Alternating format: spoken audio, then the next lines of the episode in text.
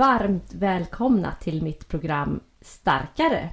Det här är ytterligare ett avsnitt i min serie om kommunikation mellan människor, hundar och människor och människor.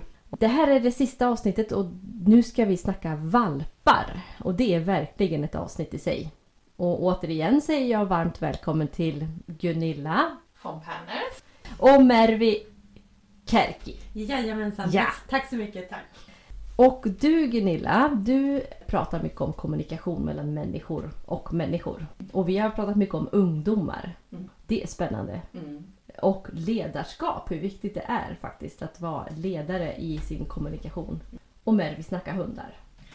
Och nu ska vi snacka om eh, de små hundarna. Vi tror ju i alla fall att det sitter ett gäng där ute med en liten coronavalp och undrar hur det här ska gå och vad de har gjort. Och kanske en coronabebis. Det är kanske en coronabebis. Antagligen faktiskt. Vad ska man tänka på? Vi var ju inne lite på förra gången just det här med hur man hälsar när, när man kommer hem från jobbet. Eller kanske bara varit på ICA. Eller kanske bara har varit ute i bilen och vänt. Du lämnar hemmet och så kommer du tillbaka. Och valpen blir själaglad oavsett om det är en minut eller om det är fyra timmar du har varit borta. Ja men precis. Ja. Är det, är det lika viktigt varje gång? För vi pratade om att man då inte ska sätta sig på knä och bekräfta hunden. Ja. Gäller det valpar också? Precis, det är en superviktig fråga. För många tror att det behövs inte med valpar men det är ju under valptiden som det byggs upp vilken roll som valpen ska ha i flocken. Ja. Så det är ju jättevärdefullt att man börjar från start och säger till valpen att den inte har ansvar och att vi är de som leder flocken. Så börja från första stund. Och samma sak där att man inte...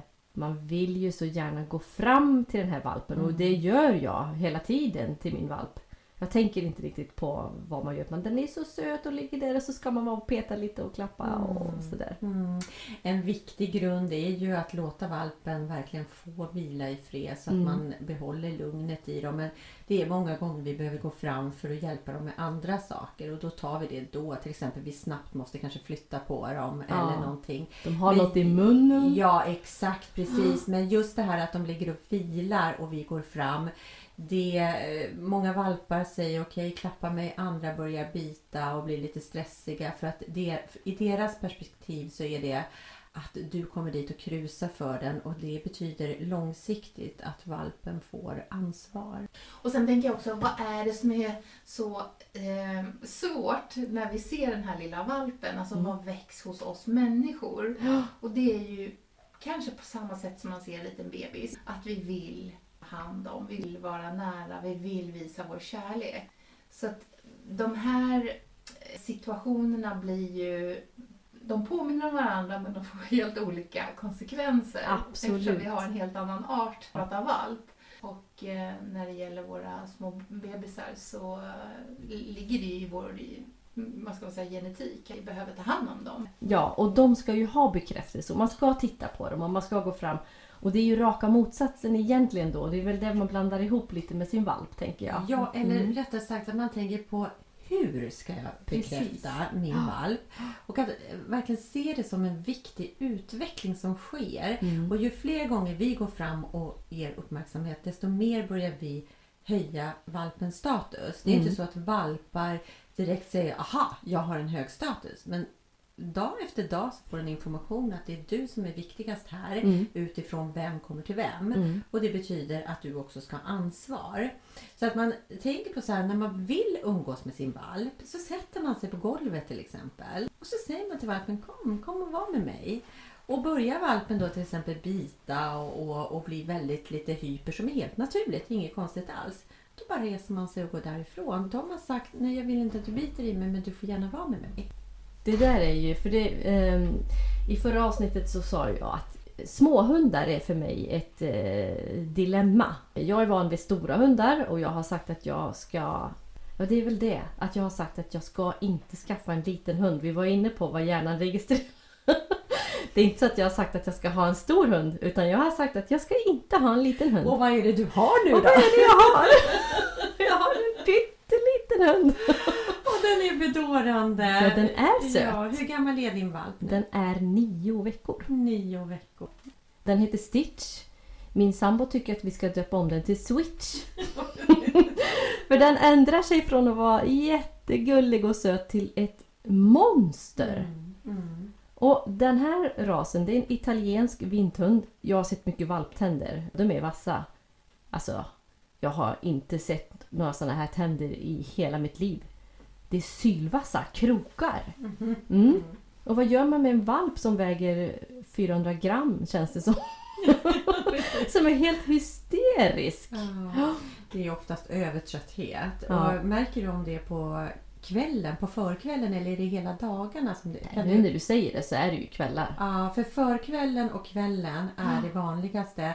Och det är att de är så övertrötta. Mm. Och där är det många som tänker Oj, jag behöver aktivera min valp. Men det är precis tvärtom. Ja. Då behöver vi bygga upp en fin härlig hörna för valpen där den kan ligga och vila. Mm. Inte den ska vara med oss när den inte klarar av det. För det är alltså för mycket som sker i valpens hjärna. Och varje dag är tusen nya saker som en valp lär sig. Vi kanske inte tänker på det om vi bara har varit hemma och i trädgården eller i närområdet.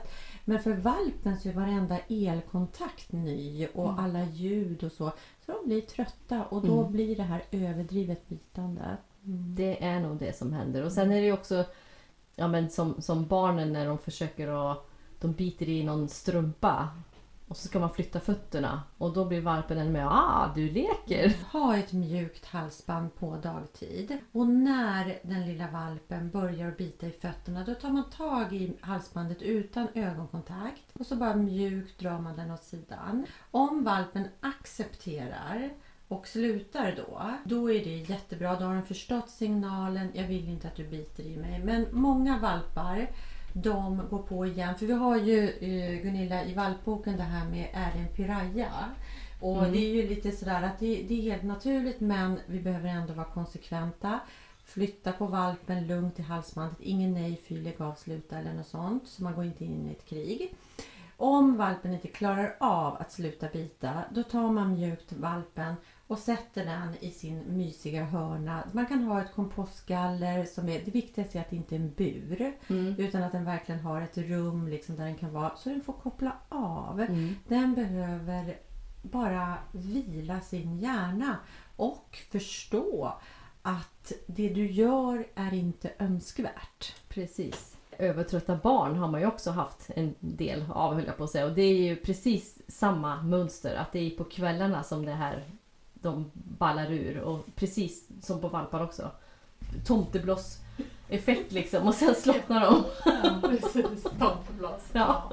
Och, och vad kan man göra då? Det finns ju mycket likheter här. Det är ju egentligen att ha de här rutinerna. Att man vet att runt kröken kommer det här. Att man eh, förbereder för det med nattkläder eller välling eller med nå- något som är avkopplande, lugnande. Mm.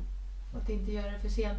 För jag tror att det är klart att livet, livet kommer emellan och man Ja. gör saker där man inte kan ha alla de här rutinerna.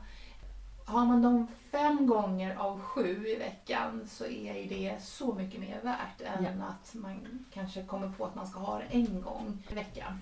Det är ju ungefär som när man ska eh, lämna och hämta på, på dagis. Alltså det är ju på fredagen som lämningen funkar utmärkt. Och så, åh, så på måndag börjar de om igen. Liksom. Så det här med rutiner är, liksom, det är verkligen viktigt. Och det Mm. tänker jag både för, för människor och djur faktiskt. Mm. Att det är samma.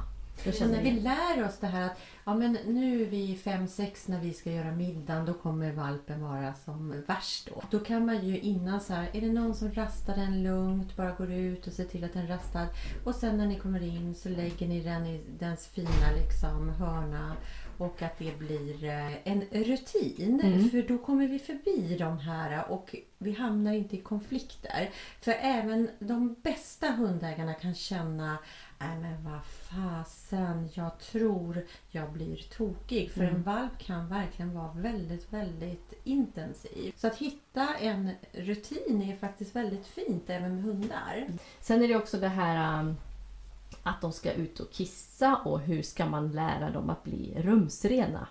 Ja, och det ingår ju också. Och jag pratade med en veterinär för en tid sedan och då sa just den veterinären, så jag är inte mer än just vad den sa, att upp till fem månader så har de svårt att egentligen känna att det är på gång mer än att Mm. de kanske vet att ja, ja, men nu är jag kissnödig. Och Mm. så här, men de kan ändå glömma bort väldigt snabbt och så. Det kan självklart bli även upp till en högre ålder eller en lägre. Men eh, att förstå att valpen inte väljer att kissa bara för att den vill vara olydig eller trotsa. Och på så sätt så kan man också tänka att ha rutiner att ofta gå ut med valpen innan den har börjat att eh, bli lite vandrande och så. Så efter lek, efter sova, efter mat och verkligen vara ute en stund. Inte gå promenad utan vara ute. Ja. För promenad kan göra att valpen inte vill kissa och bajsa för den är för långt från tryggheten. Åh, men du var bra att du sa det. Nu gillar inte våran valp direkt promenad kan inte jag säga. Att den vill inte gå hemifrån. Så att på väg bort så får man typ nästan bära den. Eller locka, sätta sig ner och locka. Men sen på vägen hem, Mm. då är det en väldig fart. Ja, den vill tillbaks till trygghet. Och i naturen så är det faktiskt så att valparna följer inte med de äldre i flocken på jakt. Och som vi har pratat om i tidigare avsnitt så är ju våran promenad i hundens hjärna jakt. Och då säger den lilla individen, jag är inte redo, förstår inte varför jag ska med dig. Mm. Samtidigt vill vi ju vi socialträna, vi vill få dem ut i samhället för att de ska lära sig vad som pågår där. Vi behöver inte ha bråttom utan vi kan verkligen ta det lugnt och tänka på att som i ditt fall strosa runt på tomten med Mm. långlina så att det är trygga former och sen hux flux så går ni lite längs med vägen men inte iväg. För det som kan också hända det är att de gör ifrån sig även efter de har varit på promenad så gör de ifrån sig inne för att valpar vill inte lämna sina dofter där ute för de vet att det är fara. Ingen ska veta att det finns bebisar i lyan. Åh, vad smart. För jag undrade just varför vi har gått på en promenad. Jag tänker att vi, inte bara går utan jag stannar, låter den nosa. Men lik förbaskat så, så fort vi kommer hem på gräsmattan då är det där som man kissar och bajsar. Ja, ja, det är en sån frisk liten valp som säger där ute ska jag ännu inte säga att jag finns. Aha. För det betyder att eh, andra flockar, andra hundar kan attackera. Det Aha. finns i deras hjärna. Åh, det, Mm. för jag har, jag hörde, jag har läst något sånt här någonstans. Lär inte din valp att kissa på din gräsmatta. För att då kan den lära sig att det är bara där man kissar. Det här är Mm. min toalett. Ja, och jag tror att som jag har ju en liten tomt och där är min hund Karmas toalett. Hon Ja. behöver inte gå promenad för att gå på toan. Nej, Däremot går vi promenader för att det är mysigt. Det handlar inte om att hon måste kissa och bajsa. nej. Och hon gör det ute också. Så vi har liksom inte gjort en grej utav det. Så att ta sin egen... Tänk dig på morgonen när du vaknar. Du tar din sötnos under armen. Du går ut och låter den få göra ifrån sig. Sen, har du, sen går du in. Då har du sagt här ute kissar vi och bajsar. Och sen får du mat och livet rullar på. Jättemycket trygghet. Åh, vad smidigt. Och jag ska hängna in hela min så att jag inte ens behöver gå ut. Jag öppnar bara dörren. Ja, och var ute lite med valpen. Ja, men det Ja. är jättemysigt att bara ha lite tålamod. När de är valpar så kan det dröja lite innan de säger att ja, men nu sätter jag mig och kissar och bajsar.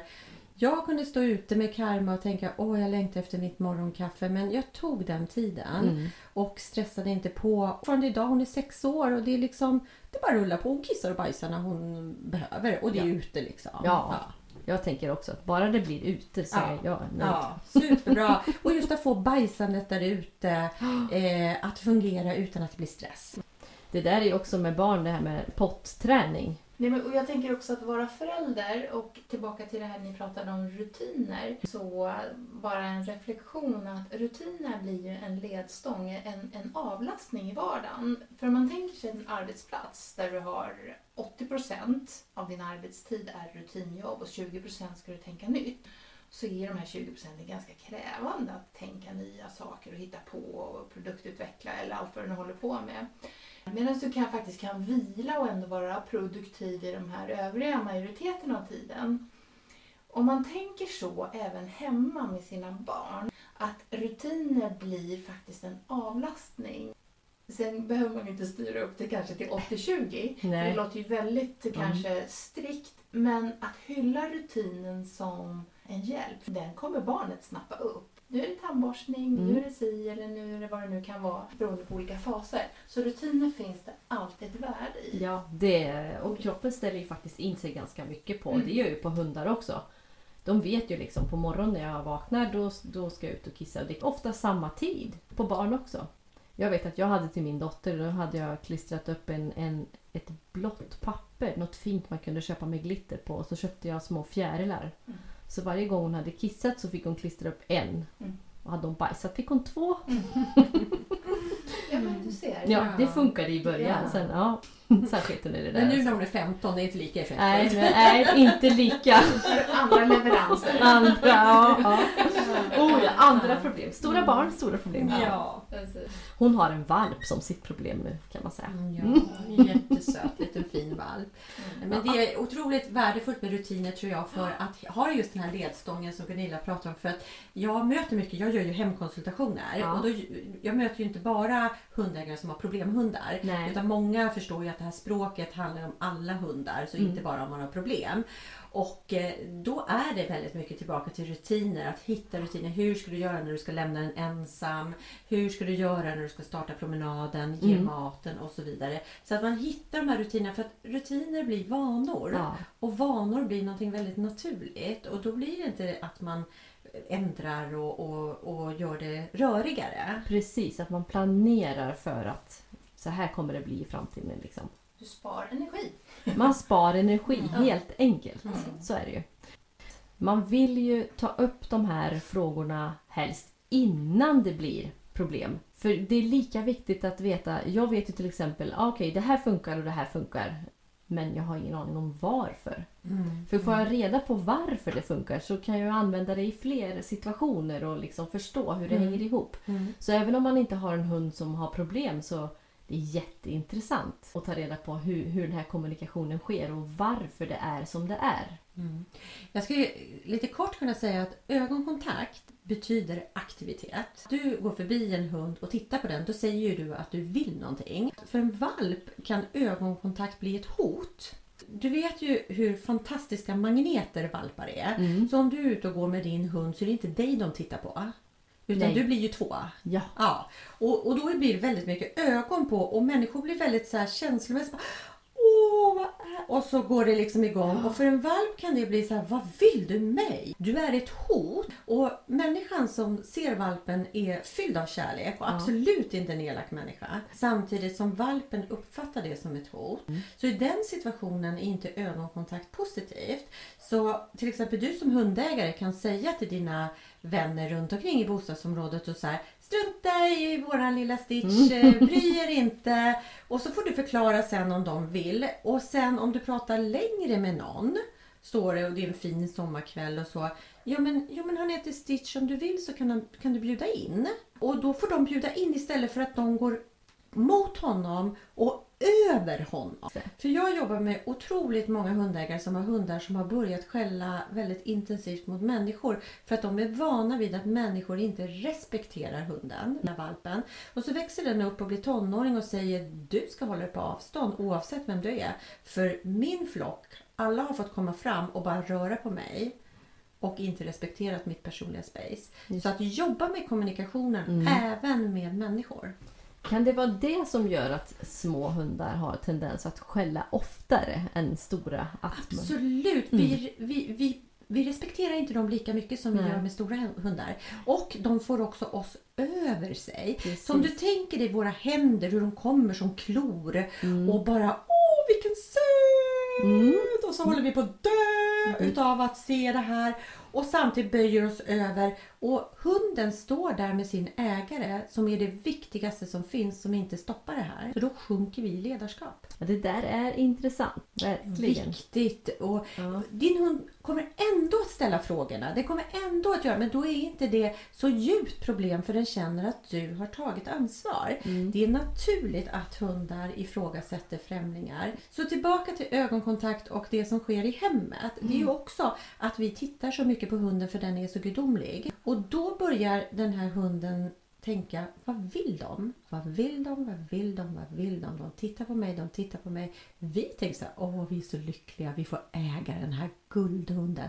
Hux flux är det en hund som studsar upp och börjar bita oss i fötterna. Och så bara, men vad är det för fel på hunden? Varför biter den oss i fötterna? Ja men jag tittar på hunden hela tiden, ni vill ju någonting men hunden vet inte vad.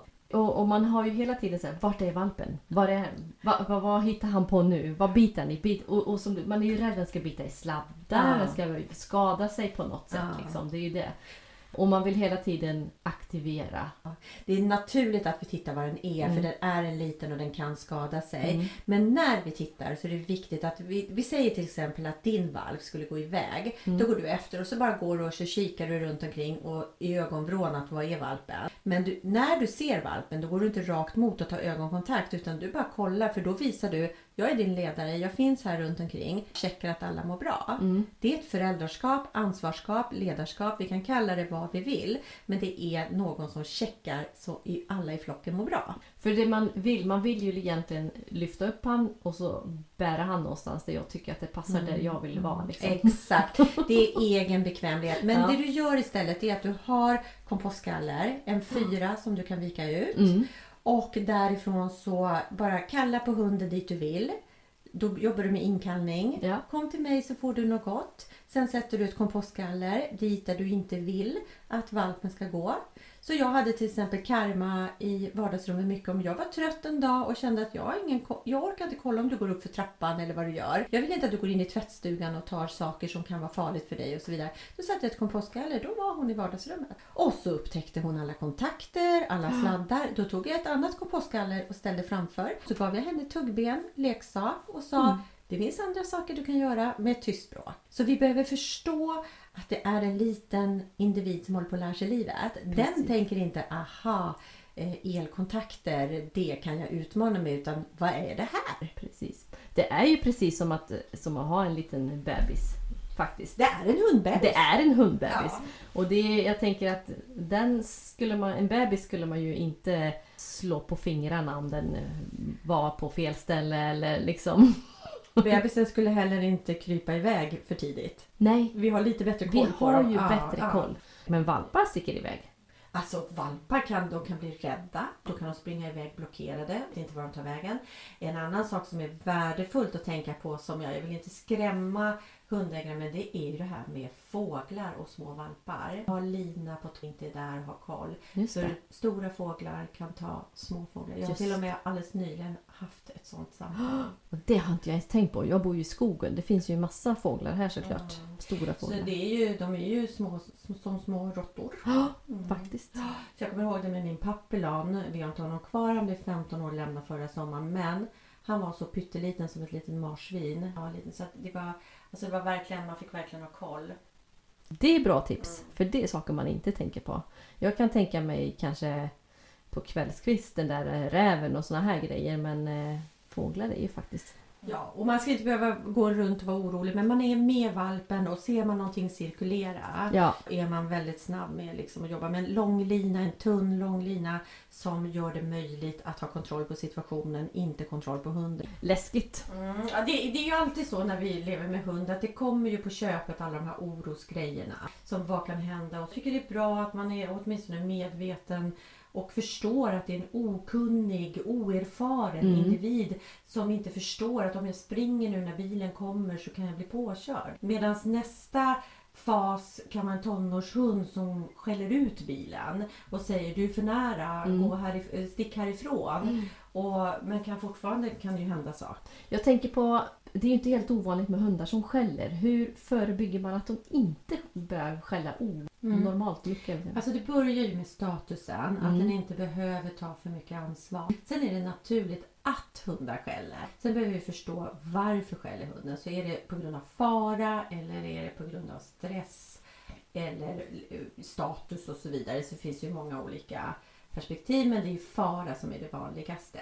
Då respekterar vi hunden att den har larmat för en hund larmar till sin ledare. Så den säger wow, wow, wow, jag har sett något där nere på vägen till Mm. exempel. Mm. Då går ju vi till hunden och säger tack, då ska jag kolla. Så man kan alltså säga tack till hunden och bekräfta att Mm. den har larmat. Och så tittar man då sig runt omkring och ser okej, det är grannen som håller på med någonting som hunden har reagerat på. Om hunden då inte klarar av att släppa, vilket många hundar som har för mycket ansvar säger nej, jag släpper inte till dig, jag fortsätter att skälla. Då behöver vi ta steg tre och det är att ta bort. Så jag brukar säga att det är tre T'n och det är tacka, titta, ta bort. För att hunden ska få rätt information. Och det är ju just att man visar jag har uppfattat att du har larmat och nu tar jag över. Mm. Det gör att hunden minskar på sitt skällande än om vi skulle gå och säga tyst. Vad håller du på med? Lägg av med det där. Eller hunden skäller och vi skäller. Ja, för grejen är ju, och det är väl också det här med barn, att de gör ju inte som vi säger. De gör som vi gör. Och det blir lite samma med hunden här, att om vi säger åt den att inte skälla och så svarar vi med att skälla. Ja. Det, det, det kommer inte Ja. Ja. funka i längden. Det kanske funkar nu för hunden märker att du är arg. Mm. Samma med barn, att det Mm. funkar liksom. Att, Precis, och det handlar ju liksom att förstå hunden. Det är ju inte att vi ska få den att tystna. Utan det betyder att vi ska förstå varför mm, skäller du. ja. Och skäller du överdrivet mycket, ja då behöver vi hjälpa dig med statusen. Då är det Mm. statusgrunden som man jobbar med. Och vi har ju, Gunilla och jag, en ny onlinekurs för Mm. valpar. Mm. Och den är väldigt oglamorös. Den är det här vardagliga. Det är liksom bara tralala och så händer ingenting och så tänker du så här och så. Det är liksom vardagen. Och då ger vi också de här tipsen om hur ska vi hantera de här fyra grunderna som vi hela tiden pratar om. För valpar är verkligen tålamod. Alltså det är verkligen, de är små individer som inte kan sin värld ännu. Vi har möjlighet att lära dem. Mm. Vi kommer att säga hur trygg är du i de här situationerna? Och jag vet du sa också någon annan bra grej som jag reagerar på. Eh, för att just det här när, när ehm, hundar ligger i sin korg och kanske börjar leka själva. Att då tänker man direkt att oj, nej men nu, nu behöver jag nog gå dit och leka med hunden. Nu, nu, vill, nu är den understimulerad liksom. Ja, det är en av de finaste sakerna när jag gör konsultationer hos valpägare och så sitter vi och pratar och de är lite svettiga över att det är en piraya och det är så kämpigt och så här, och så sen så tittar vi till så då har de fått jobba lite med den vänliga ignoreringen och sen den vänliga inbjudningen. Att verkligen tydligt säga och sen efter en stund så ser man hur valpen springer efter någon leksak och kastar den i luften och så. Och då brukar jag bara stanna upp konsultationen och säga Hörni, nu stannar vi upp lite. Titta utan att titta. Och njut av. Det här är en valp som känner Jag kan leka. Jag behöver inte utmana. Jag behöver inte testa någon. Jag kan bara vara en liten valp.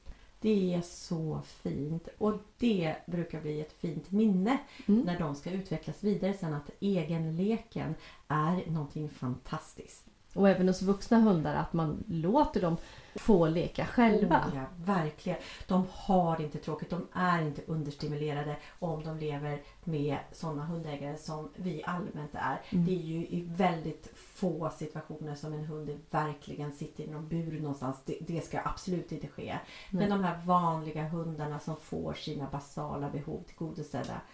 Om de leker själva, alltså njut. Blanda dig inte in i det. För Låt det är deras ske. semester.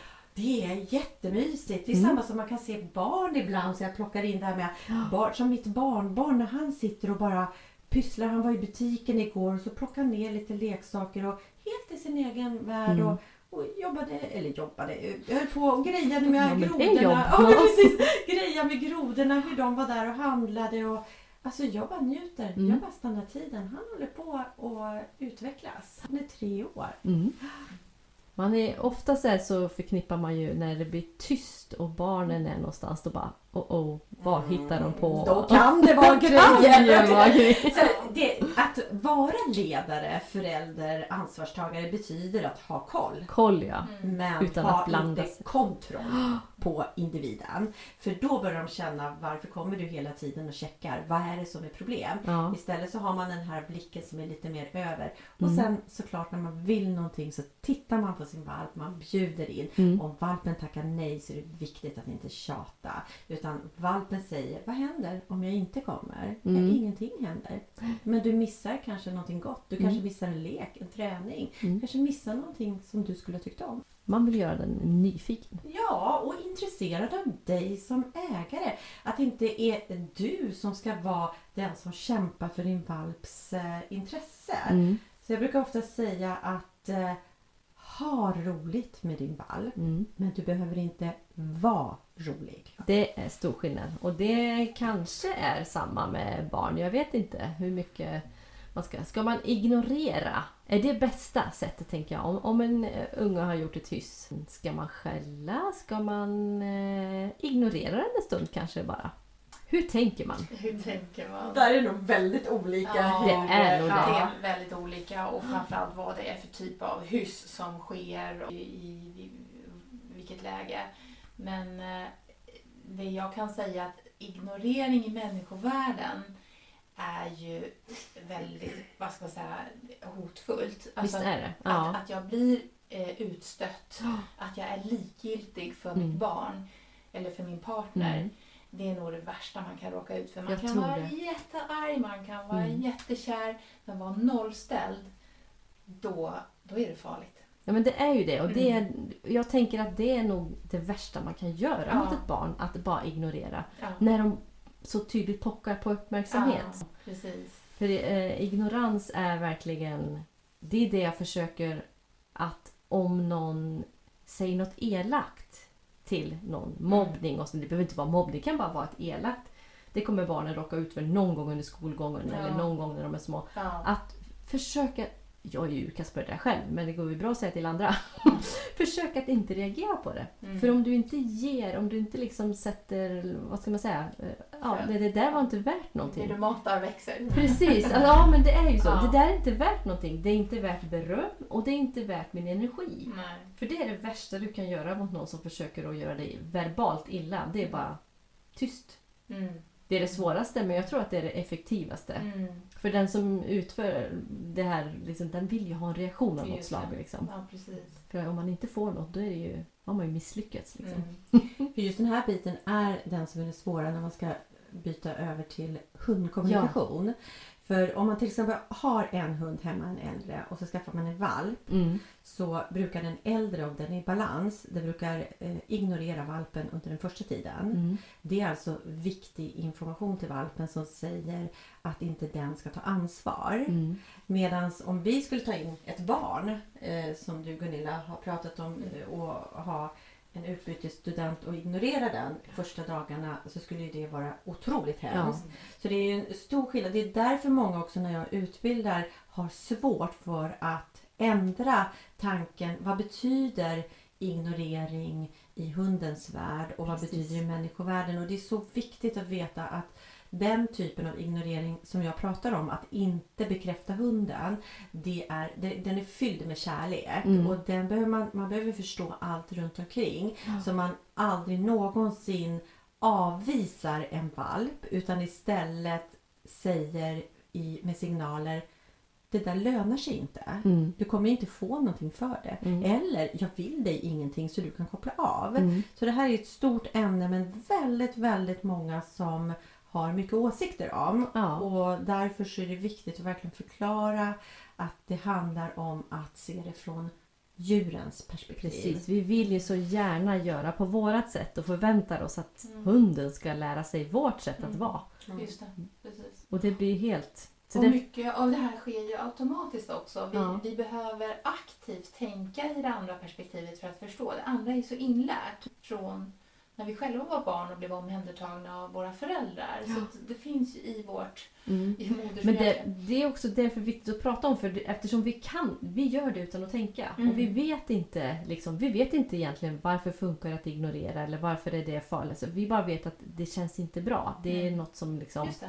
Eh, men det är jätteviktigt att liksom få koll på att okej, det är det här som funkar Mm. för oss. Mm. Och det är därför det inte funkar på din valp. Mm. Mm. För det, Jag, jag vill jättegärna berätta en liten kort historia om Ja. en valp som var väldigt, väldigt krävande eh, och hela, det- hade verkligen fått familjen eh, på... Alltså, vi vill inte ha kvar vår valp. Den, är för. Vi orkar inte med det här. För den var på, på, på dem. För det finns ju de här in your face-hundarna. De är Mm. på, på istället för att göra andra hyss då. För det hör ju till utvecklingen så det är inget konstigt. Men i alla fall, och då så när jag gör den här kons- konsultationen så eh, Husse eh, sitter där på en stol och eh, när valpen börjar hoppa mot husse så säger jag nu, nu måste du strunta i din hund. Mm. För nu ska vi lära den här lilla valpen att respektera dig och att du säger till när den ska komma. Husse kämpade så mycket så en stor och tuff husse som började gråta och sa det här klarar inte jag, jag går härifrån. då, för att han tyckte att det var så jobbigt att ignorera Ja, valp. han, han Ah. fick inte klappa, han fick inte neja, han fick inte fya, han fick inte göra någonting. Och det enda han kunde känna det var att hela hans känslosystem eh, blev eh, ur, eh, jätteladdat. Ja, Så han, han, nej det var inte, han, han ville göra någonting. Och det jag säger ofta det är att du behöver vara. Så det är mycket känslor. ja du är ju, du finns ju där. Ja, Mm. precis. Mm. Och, och det blir ju att eh, jag, jag vill ju vägleda dem till vad som kommer bli långsiktigt bra. Men eh, det är inte alla som klarar det på grund Nej. av att det handlar om deras behov. Precis, det är mina och det är det som blir, eh, det är jättesvårt. Det är inte lätt. Nej, och det kan så- säkert väcka mycket minnen Ja. också. Det här påminner mig om någonting. Så, um, Ja, man kanske blev ignorerad som liten och det var nog inte så ovanligt eh, tänker Det jag. kan poppa upp Mm. och så jag tänker så här, jag får börja ta med dig Gunilla. Så du Det är liksom ju så här, nu är det dags för Gunilla och nu Ja. tar vi över. Ja, faktiskt. Apropå det så kan vi faktiskt flika in i Valp online-kursen att vi har väldigt mycket människopsykologi Mm. i den. Där Mm. vi, eh, med tanke på just att det här lilla söta som har kommit in, en ny familjemedlem, väcker så mycket känslor. Och att vi hela tiden påminner i kursen om att göra en avstämning med dig själv. Vilket känslotillstånd är du nu? För att när vi börjar uppmärksamma det, då börjar vi också bli medvetna om vad vi också kan eh, få fördelar av när vi är med vår hund. Det vill Mm. säga vara i balans, vara i någon form av ett perspektiv där vi ser hundens behov och inte bara mitt ego. För att nu behöver jag tvångsgosa som Merve brukar säga. Utan jag behöver faktiskt backa lite. Mm. Du låter ju på något sätt din hund påverka dig. Du kan, den kan påverka dig så att du blir vansinnigt arg. Mm. Och du behöver inte agera på det men du är jättearg. Hunden kommer känna av att du är skitförbannad. Och du kan bli helt kär.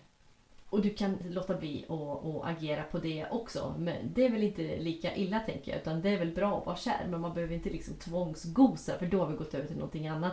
Men just det här att låta valpen påverka dig så att du sänder de här signalerna att jag är de är svåra att dölja. Eller du kan inte dölja dem som människa. Då behöver man kanske jobba på hur ska jag... Varför låter jag valpen göra mig arg? För det är bara jag som kan ändra det. Valpen kan inte göra någonting åt det. Liksom. Exakt. Mm. Så det där är ju häftigt. att Mm. Jag tror inte folk tänker på hur nära det ligger i Mm. psykologin. Och att vi Mm. behöver lära oss hur vi människor funkar, hur Mm. jag funkar. Och sen tar vi valp, hund, språket och, och så ändrar vi så att det blir bäst. Mm. Åh, vad mycket det finns att prata om. Ja men det är väl Ja. intressant och inspirerande att förstå dessa fantastiska djur som har kommit och de har fått en annan plats i våra liv. Mm. Det har liksom blivit någonting ännu större än vad det var förut. Och det är ju verkligen eh, vänner och även i pandemin nu.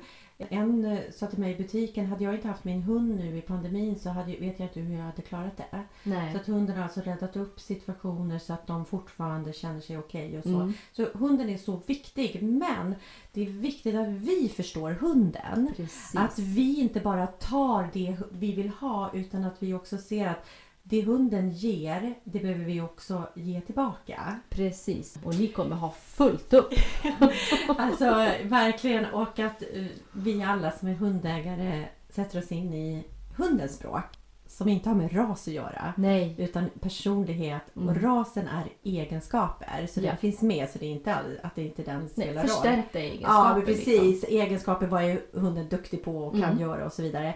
Och i grund och botten så är alla hundar hundar. Mm. och där har de samma språk. Men valpar är lite mer nykomlingar och vi Ja. behöver liksom hjälpa dem lite extra. Ja, men man kan ju väl säga att vi, vi människor, vi är ju alla människor men vi har ju olika genuppsättning på varifrån vi kommer och en del är mer stresståliga och en del är starka, en del är svaga. Ja, det finns massa. Men vi behöver alla äta och vila och Absolut. så. Ja. Och vi har starka verktyg att påverka. Det är också maten och det, liksom, det finns. Ja. Det är samma liksom. Ja.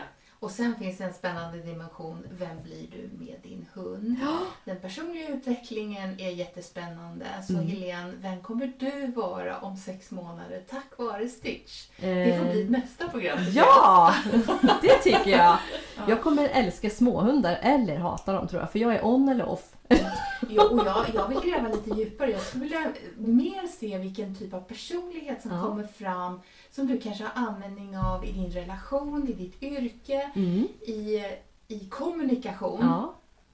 Absolut, jag Här älskar det- kommunikation. Det, ja. finns så mycket och Mm. kommunikation är ju fantastiskt roligt. Men det härliga är att alla kan lära sig hundspråk. Ja, Alla kan lära sig det, hundspråk. det är ett ganska lätt och tydligt Mm. språk när man Mm. väl förstår. Mm. Och det är, så, det är så befriande att prata med dig för man, man kan se saker som ett problem och så säger du ja men så här är det i hunden. Så man bara ah, Ja, Såklart, liksom. Ja, och det är så härligt för att ja. när vi ändrar perspektiv så blir inte problemet ett lika stort problem. Nej, Om det skulle vara så. precis. Ja, men jag kan ju nämna bara att när vi höll på att utvecklas med Ken så innan jag hade utbildat mig Mm. Så var jag ute och gick med honom i skogen med min dotter som var nio år. Och jag var helt tokig. Jag var helt tokig på det här. Och då säger Lina som är nio år Mamma, jag blir rädd för dig när du tränar Kenzo. Mm. Barn. Barn och hur lite kunskap jag hade. Ja. Som vi såklart ändrade sen. Det är därför jag jobbar med det här i 15 år för att säga nu rättar vi till det. Mm. Nu ska jag sprida det till alla som vill. Barn är ju också fantastiska på att kommunicera. De har ju inget filter och de bara säger plopp rakt ut. Mm. Ja, Liksom. ja. Och ibland så är det, de sätter ord så klockrent Mm. på liksom. Ja, det sitter fortfarande så starkt och det är så många år sedan. Ja. För att jag förstod att någonting är fel. Jag Mm. måste lära mig något mer Mm. om hundar. Mm. Och så blev det ju också. Vi kan ju också säga vad, vad var det för utbildning du gick? Ja men då gick jag hos Jan Fennande Dog Listener och Ja. jag blev själv utbildad dog listener. Dog Ja. listener. Häftigt. Ja, jag är jätteglad. Jag brinner för det och Mm. eh, älskar att möta människor som vill utvecklas i sitt hundägarskap.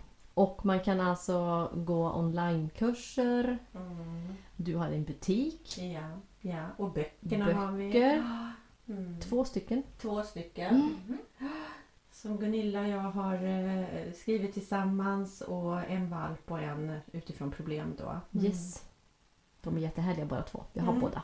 Skriva bok är ju också kommunikation. Det är jätteviktigt hur man skriver. Mm. För att man ska kunna ta till sig det som läsare. Men den är klockren. Ja, men det som har varit så roligt är ju att jag kan ju berätta men Gunilla strukturerar. Men det är ju ofta så. Det är tillsammans man ska vara. För Ja. att det är sällan man kan allting i det man ska göra. Liksom. Ja. Stort tack igen för att ni kom hit. Tackar. Tack så jättemycket, jättekul att träffa dig. Man får komma med tips om vad vi ska prata om med hund, hundproblem. Så gör vi det bara. Och tack för kakan och kaffet. Ja, men vad härligt. Keto-kladdkaka har vi testat nu. Härligt att ha er här. Och du som lyssnar, stort tack. Utan dig så är vi ju inga.